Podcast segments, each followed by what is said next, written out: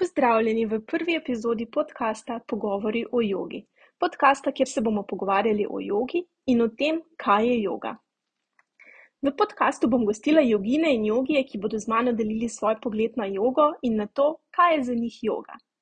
Za začetek bom v prvi epizodi podala nekaj izhodiščnih teoretičnih definicij, ki so zbrani tudi v prispevku na mojem blogu, ki ga lahko preberete na moji spletni strani jogalnica.si. Preden začnemo, pa še povabilo vsem, ki jogo prakticirate ali učite, ali pa jo kako drugače raziskujete in ki bi radi svoj pogled na to starodavno filozofijo delili z mano in z mojimi poslušalci. Oglasite se mi na infoafna.jogalnica.si. No, pa začnimo. Kaj je torej yoga? Na kaj pomislite, ko zaslišite besedico yoga? Dan danes v zahodni družbi v veliki meri najprej pomislimo na neko fizično obliko vadbe, na izvajanje fizičnih položajev ali asan.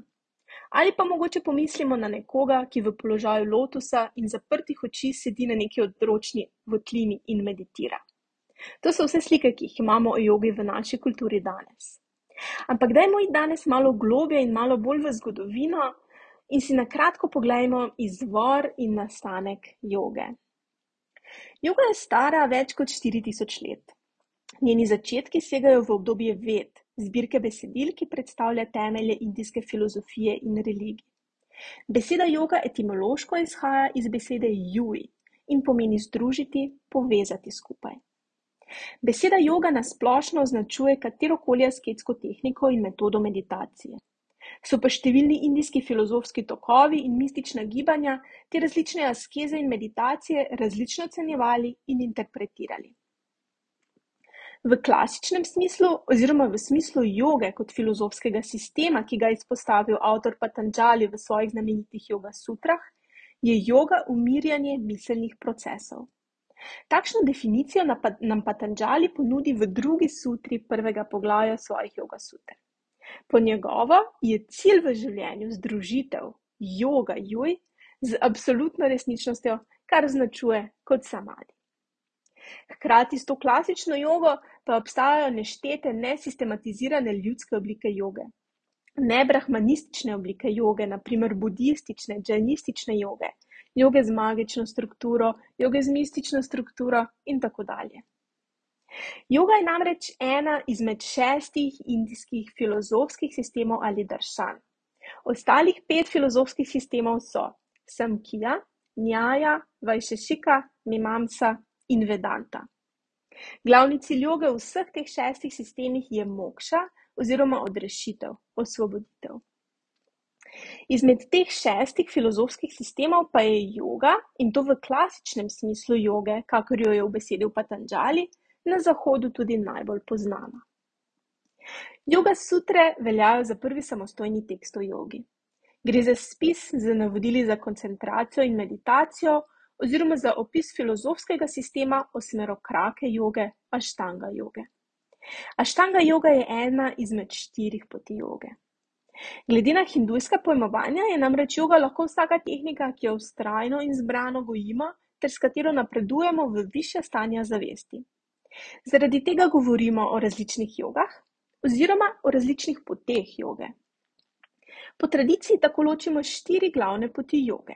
To so: prva je karma joga, joga nesebičnega delovanja. To pomeni, da za svoja dejanja ne pričakujemo nagrad. Druga je jana joga, to je joga intelektualnega raziskovanja. Tretja je bhakti joga, joga spontanega delovanja, ter zadnja, četrta, je rađa joga, imenovana tudi aštanga joga. To je joga notranje koncentracije, katere osrednji poudarek je meditacija. Kot že rečeno, joga v sebi vsebuje kontekst združitve, juj.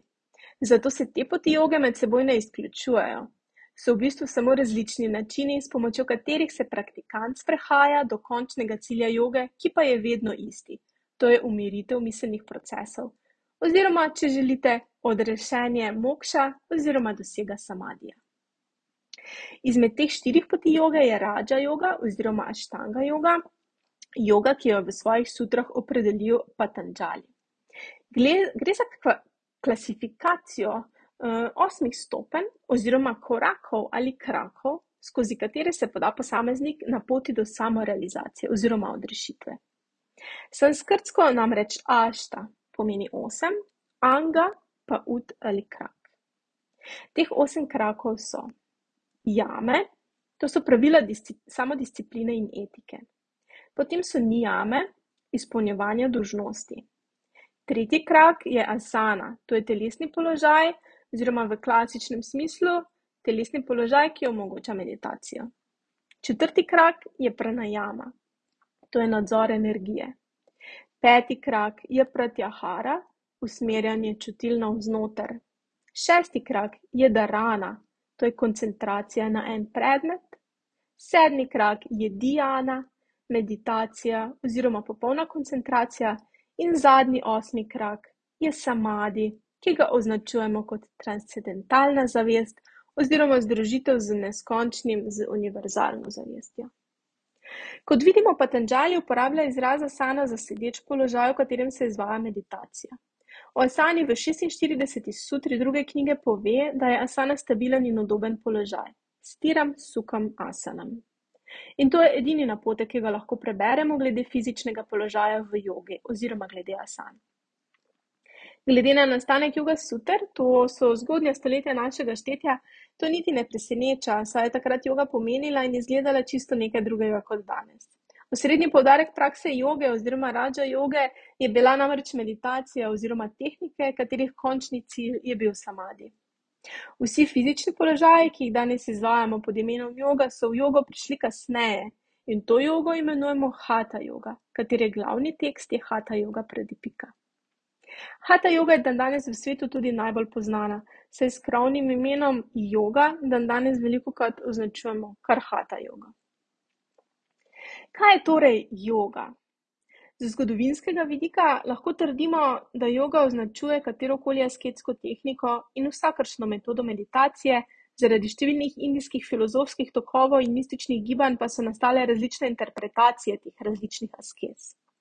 Krijananda tako jogo opisuje kot način za doseganje jasnosti in umirjenosti.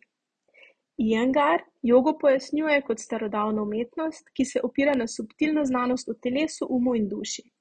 Pravi, da redna praksa joge praktikanta sčasoma privede v občutek miru in povezanosti z njegovo okolico.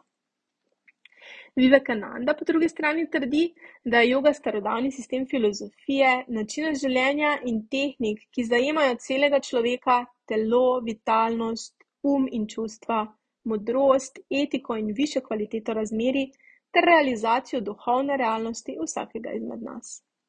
Juri Zalokar pa pravi, da joga ni niti znanost, niti filozofija ali religija, temveč do podrobnosti dognano urjenje osebnosti. Tako vidimo, da jogo lahko razlagamo in definiramo na različne načine, saj je za dognanje le te potrebna osebna izkušnja. To pa lahko pridobimo samo z redno samostojno prakso. S to mislijo bom današnjo epizodo zaključila. Želim vam obilo užitkov v raziskovanju, kaj je za vas joga in vas vabim k poslušanju sledečih epizod, v katerih bom z gosti odkrivala, kaj je to joga.